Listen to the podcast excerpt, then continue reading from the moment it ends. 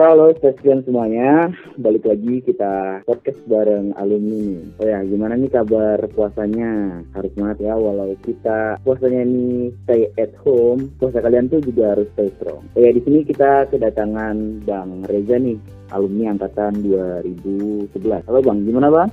Halo, halo, selamat siang, selamat berpuasa buat yang dengerin podcast ini. Gimana Bang, kabarnya Bang? Baik? Alhamdulillah, baik. Work from home karena krisis corona. Wah, siap. Oh ya, kebetulan di sini uh, saya ditemani sama teman saya juga, Benny. Boleh kenalan Ben dulu, Ben? Oke, Bang, kenalin nih. Nama aku Benny, Bang. Asal dari Subang, Jawa Barat. Aku dari Statistika tahun 2019, Bang. Saya juga Desa Risandi, Statistika 2017, asal Kalimantan, Bang. Hmm, mantap ya. Lagi di mana nih bang sekarang bang? Work from home. Work from home. Uh, kebetulan gue kan kerja di salah satu BUMN bagian komunikasi. Jadi work from home ini benar-benar become a new normal karena gue harus bisa kerja dari pagi sampai sore apalagi gue kan kerjanya di unit yang human capital which is kerjaan jadi tambah banyak sih karena gue ngelola human capital yang ter, uh, para human human gitu resource yang kerja di rumah jadi lebih ribet gitu sih khususnya di performansi sama laporannya. jadi everything should be good. Orang yang work from home juga ya bang? Kenapa? Jadi malah ngurusin orang yang work from home juga? Iya betul Mantap kali. Nah, abang kan sebagai alumni statistika UI ini, hmm. uh, sebelum abang masuk statistika UI ini, apa sih yang bikin abang tertarik nih masuk ke statistika UI? Gimana sih? Oh, oke. Okay. Sebenarnya banyak banget sih hal yang bikin menarik gue buat masuk di prodi statistika UI. Mungkin ini alasan gue waktu milih di UI dibandingkan universitas negeri itu ke gue diterima di SNMPTN. Hmm. Uh, yang pertama kan jurusan prodi statistika UI ini kan ada di UI ya bikin itu salah satu PTS terbaik di Indonesia pada zaman gua.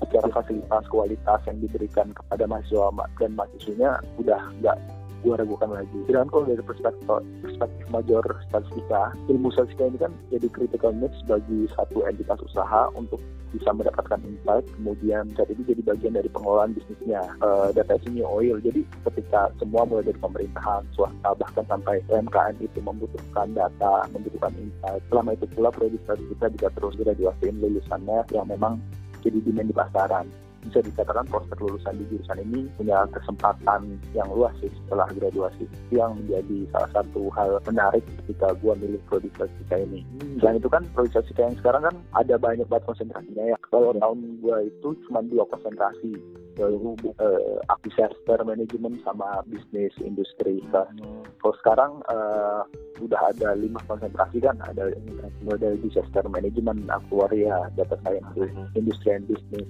serta sosial. Menurut gue ini salah satu hal menarik sih karena uh, konsentrasi ini buka kesempatan buat mahasiswanya supaya bisa fokus di konsentrasi tersebut dan memiliki kemampuan atau skill yang unik dibandingkan dengan jurusan-jurusan lainnya. Jadi ada lagi sih yang bikin gue lebih tertarik waktu gue milih prodi tiga karena kan pembiayaan dan pengelolaannya kan mandiri ya bisa dikatakan karena UI ini PT, PTS ya swasta dan pengelolaannya itu mempengaruhi aktivitas akademik ya selama gua kuliah di Perstika kalau dibandingkan dengan jurusan lain di kampus lain gitu ya baik negeri atau swasta pasti beda. Mulai dari fasilitas laboratorium kebebasan akses terhadap penelitian fasilitas metode belajar juga ada pusat studi oke kayak pertanyaan kedua ya bang ya jadi gini bang, hmm. karena kan abang kerja di ini ya BUMN ya. Kalau hmm. menurut pendapat abang nih, kalau di dunia kerja, uh, kira-kira prodi hmm. statistika UI itu bisa bersaing sama univ-univ lain gak sih bang? Kalau bilang begitu bisa, bisa banget sih. Uh, yang perlu teman-teman ketahui mungkin ya, bahwa di dunia kerja itu asal kampus sama nilai IP emang mempengaruhi. Tapi ada satu variabel lain yang harus kita pahami, uh, which is itu mempengaruhi banget ketika kalian uh, direkrut masuk ke perusahaan atau ke satu entitas usaha gitu. Yaitu karakter. Kalian bisa dapetin IP 4 tapi kalau misalnya karakter kalian gak kebentuk kalian nggak bisa komunikasi dengan baik nggak bisa kerja sama-sama dengan satu tim nggak koreksi terhadap permasalahan existing di tempat kalian bekerja. IP atau asal kampus itu nggak akan berguna sih. Karena perusahaan cenderung merekrut orang yang memiliki karakter yang sesuai dengan budaya perusahaannya. Nah kebetulan di statistika ini kurikulum dan metode belajarnya juga selain fokus di ilmu ilmu statistika juga dalam pembangunan karakter kan. Implementasinya kayak kita diberikan kebebasan ketemu sama dosen siapa pun tanpa ada administrasi yang rigid gitu. Metode pengajarannya juga pakai praktek lapangan. Prodi juga dukung mahasiswa fokus dalam penelitian perlombaan organisasi gitu. Ya itu adalah salah satu proses pembentukan karakter untuk mahasiswa jurusan statistika sih kalau misalnya dilihat dari kualitas uh, akademik di statistika itu gua masih kuliah pun beberapa teman-teman gue juga berhasil memenangkan lomba-lomba statistika gitu di tingkat nasional. Bahkan beberapa ikut penelitian internasional itu kan sudah membuktikan bahwa sebenarnya selama berproses pun di dalam jurusan itu nggak kalah dibandingkan dengan uh, kampus-kampus lainnya. Apalagi ketika yang pasti ketika keluar uh, ilmu kita ada karakter ada tentunya kita juga nggak bakal apa ya nggak usah takut deh kalau mau bersaing sama uh, kampus-kampus lainnya. Uh, saat ini teman-teman gue juga banyak kerja di perusahaan-perusahaan yang proporsi karyawannya itu dari berbagai universitas baik di Indonesia atau luar negeri. Ada satu angkatan yang kerja di startup atau perusahaan multinasional ada, ada yang duduk di pemerintahan sebagai staf ahli hmm. uh, di BUMN BUMN lainnya. Bahkan ada temen gue yang berhasil diriin usaha sendiri. Omset labanya di, bisa bilang puluhan juta per bulan di daerah asalnya di Kalimantan. Just dia juga waktu itu memanfaatkan statistika banget. Sih sekarang dia bahkan udah punya karyawan sekitar sembilanan. Jadi kalau ngomong masalah bagaimana lulusan prodi statistika ini dibandingkan dengan kampus lainnya gitu kita nggak kalah sih gitu bro. Itu ya bang ya. Jadi ternyata variabel lain tuh nggak cuma apa kayak perusahaan tuh nggak cuma mandang IPK sama dari mana univnya itu ya bang ya? Iya itu yang kadang-kadang dilupakan sama orang-orang yang terlalu pintar. kadang-kadang orang pintar tuh ambisius dan lebih kepada ngejar nilai. Padahal kadang-kadang cara kita komunikasi, cara kita bekerja sama itu penting banget. Karena kita nggak mau kerja sama orang yang pintar doang tapi nggak bisa diajak kerja sama. Hmm, nah ini bang, selanjutnya ini bang, menurut abang nih peralatan atau fasilitas yang udah disediakan oleh kampus khususnya di statistika itu tuh udah berstandar banget nggak di dunia kerja berstandar pasti lah standarnya lah di dunia kerjanya. Ngomongin tentang dunia kerja itu dinamis banget. Kebutuhan akan data dan teknologi pengelolaan data itu sangat dinamis di setiap tahunnya bahkan berubah trennya. Waktu tahun saya pertama masuk itu masih banyak penggunaan SPSS kemudian penggunaan R kemudian sekarang Python dan lain-lainnya. Bahkan ketika saya kuliah itu artificial intelligence itu belum terlalu ngetrend tapi saat ini ternyata udah ngetrend banget nah di statistika kan ada fasilitas laboratorium ya dan yeah. itu menurut gue sangat membantu kita sebagai mahasiswanya waktu itu untuk mampu mendapatkan ilmu-ilmu praktikal yang ada di dunia uh, relate jadi bahkan implementasinya kayak contohnya misalnya gue udah lulus nih kemudian gue dapetin satu kasus yang perlu ada analisa inferensialnya. Gue cukup ngeliat laporan-laporan praktikum gue aja selama gue laboratori uh, di laboratorium. Dan menurut gue kelas di laboratorium udah cukup lengkap sih buat gue selama gue kuliah. Apalagi sekarang dengan adanya perubahan uh, teknologi teknologi, habis itu penambahan-penambahan materi-materi baru terkait dengan analisa data. Laboratorium kan juga pasti uh, terus berkembang, ke kemudian juga menjalin kerjasama sama PTN atau komunitas pengelolaan data di luaran. Menurut gue sudah cukup memfasilitasi kebutuhan mahasiswanya. Dan satu lagi yang gue suka dari prodi statistika, di laboratoriumnya kan ada fasilitas peminjaman laptop ya bagi mahasiswa kalau misalnya dia punya masalah sama laptopnya. Itu benar-benar membantu sih. belum ada kampus lain yang teman-teman gue juga gue tanyain nggak ada ada yang kampusnya bisa sampai minjemin laptop ke mahasiswanya. Biasanya mahasiswa disuruh tetap di sampai malam gitu sampai selesainya. Kalau ini enggak. Jadinya ada efisiensi juga mahasiswa merasa diuntungkan uh, skema ini. So far ya peralatan fasilitas laboratorium yang udah disediain sama Statistika udah standar sih sama yang di dunia kerja. Gak ada yang jadul alat.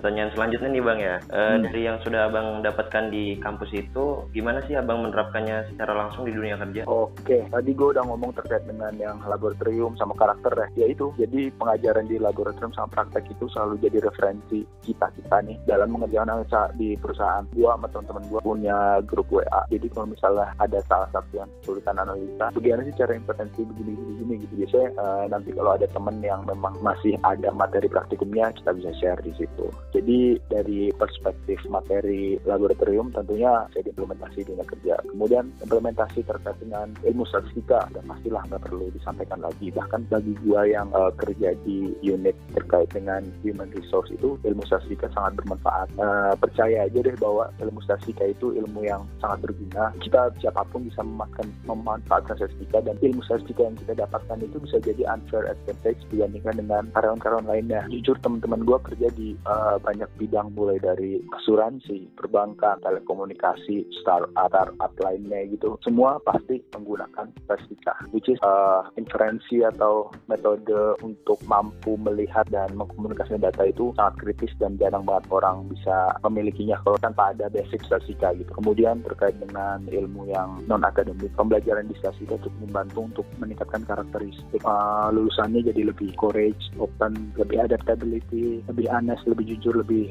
teamwork. Nah, value-value itu berhasil ditanam ke mahasiswa dan lulusannya. Sehingga setelah 4 tahun kuliah itu selain dapat ilmu yang bermanfaat juga perubahan karakter individu yang lebih baik. Semua pasti terimplementasi sih kalau kalau kuliah di statistika. Emosi banget ya bang. ini kayak gini bang, uh, sudah banyak kan uh, alumni-alumni yang lulus dan tersebar di beberapa daerah gitu. Ini harapan hmm. abang sendiri ini buat ke depannya apa di statistika? Harapannya hmm. uh, semoga tetap semoga jurusan tetap up to date dengan kebutuhan pasar. Kebutuhan pasar bisa dari teknologi ataupun kebutuhan-kebutuhan ilmu lain. Kemudian tetap pertahankan metode belajar yang penuh dengan uh, praktek lapangan. Jangan hanya fokus kepada materi-materi saja Hmm. Kemudian tetap jalin network dengan universitas lain, baik di dalam atau di luar negeri, tetap memberikan kebebasan untuk mahasiswa berkreasi sesuai minat dan bakatnya. Karena uh, tugas kampus sendiri selain membentuk uh, membentuk skill juga membentuk karakteristik. Itu sih harapan gue buat statistika UI. Nih ada pertanyaan terakhir nih bang. Eh, jadi gini bang, selama abang kuliah di statistika UI itu pesan dan pesan selama kuliah di situ tuh gimana ya bang? Oke, okay. uh, eh, selama empat tahun gue kuliah nggak ada kesan negatif sih selama itu jujur karena bahkan ya ketika gue harus remedi di beberapa mata kuliah ya ya udah gue nggak anggap itu sebagai hal yang negatif bahkan ketika gue nggak bisa ngerjain tugas dan harus nggak ngelapor itu ya udah emang itu udah jalannya mungkin tapi yang gue rasa uh, seluruh dosen sportif ya. Beberapa dosen punya knowledge yang sangat baik kayak Bu Karian, Pak Hakim, Kak Jaka, Prof. Uji, Bu Emma semuanya dosen-dosen yang terbaik. Ilmunya udah banyak lah. Juga banyak banget dosen muda yang memiliki kualitas tinggi kan. Uh, dosen-dosen muda yang bahkan waktu gue kuliah gue manggilnya bukan bu tapi mbak. Sampai sekarang juga gue kalau ketemu dengan mbak. Punya kualitas yang baik sehingga gap communication antara kita golongan Gen Y atau Gen millennials itu tidak terlalu kerasa gitu. Kan dan satu hal yang gak gue temuin di kampus lainnya ketika gue ngobrol sama teman-teman lainnya adalah kita punya satu sesi untuk mengevaluasi dosen di akhir setiap semester gitu. Sehingga jurusan bisa mendapatkan insight dari mahasiswanya untuk mengevaluasi si dosen-dosennya. Jadi gue ketika ngobrol sama teman-teman lainnya teman-temannya pada ngerasain gimana sama dosen yang tidak enak tapi di UI bisa dapatkan kebebasan untuk mengevaluasi dosen tersebut jika memang dosen tersebut tidak cocok dengan metode kita. Terus selama kuliah juga beberapa kali gue dapat tugas penelitian yang harus dipublish di jurnal nasional atau internasional untuk mendapatkan nilai. Ini gue milih karena itu kan susah ya. Tapi ternyata itu semua berguna setelah lulus. Terima kasih juga buat kurikulum yang udah disusun sehingga meminimalisir sifat individualis atau ambisius gitu. Sehingga uh, yang muncul itu sifat teamwork dan sore semoga pengalaman-pengalaman baik yang gue sama kawan-kawan gue rasain juga bisa dirasain oleh mahasiswa atau masih di bawah gue uh, kebaikan selalu menyertai seluruh aktivitas akademi UI mahasiswa mahasiswinya atau penjurusannya amin. Itu sih pesan dan pesan gue bang terakhir lagi terakhir banget nih story ini. Terakhir mungkin dulu.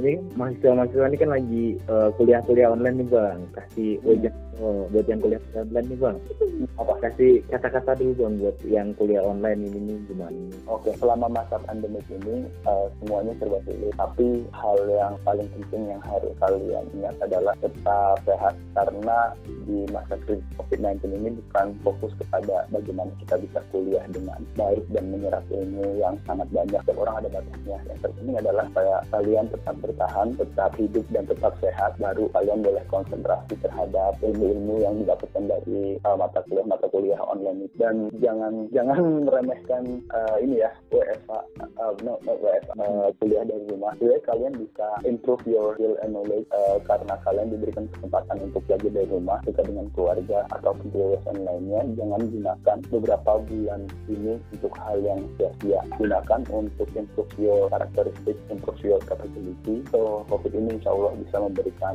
uh, banyak manfaat buat diri kalian makasih ya bang kata-kata yang tadi ini. Oke statistiknya semuanya uh, mungkin berakhir dari obrolan santai kita bareng alam ini. Mungkin cukup semoga sukses ya semuanya. Oke, siap bang.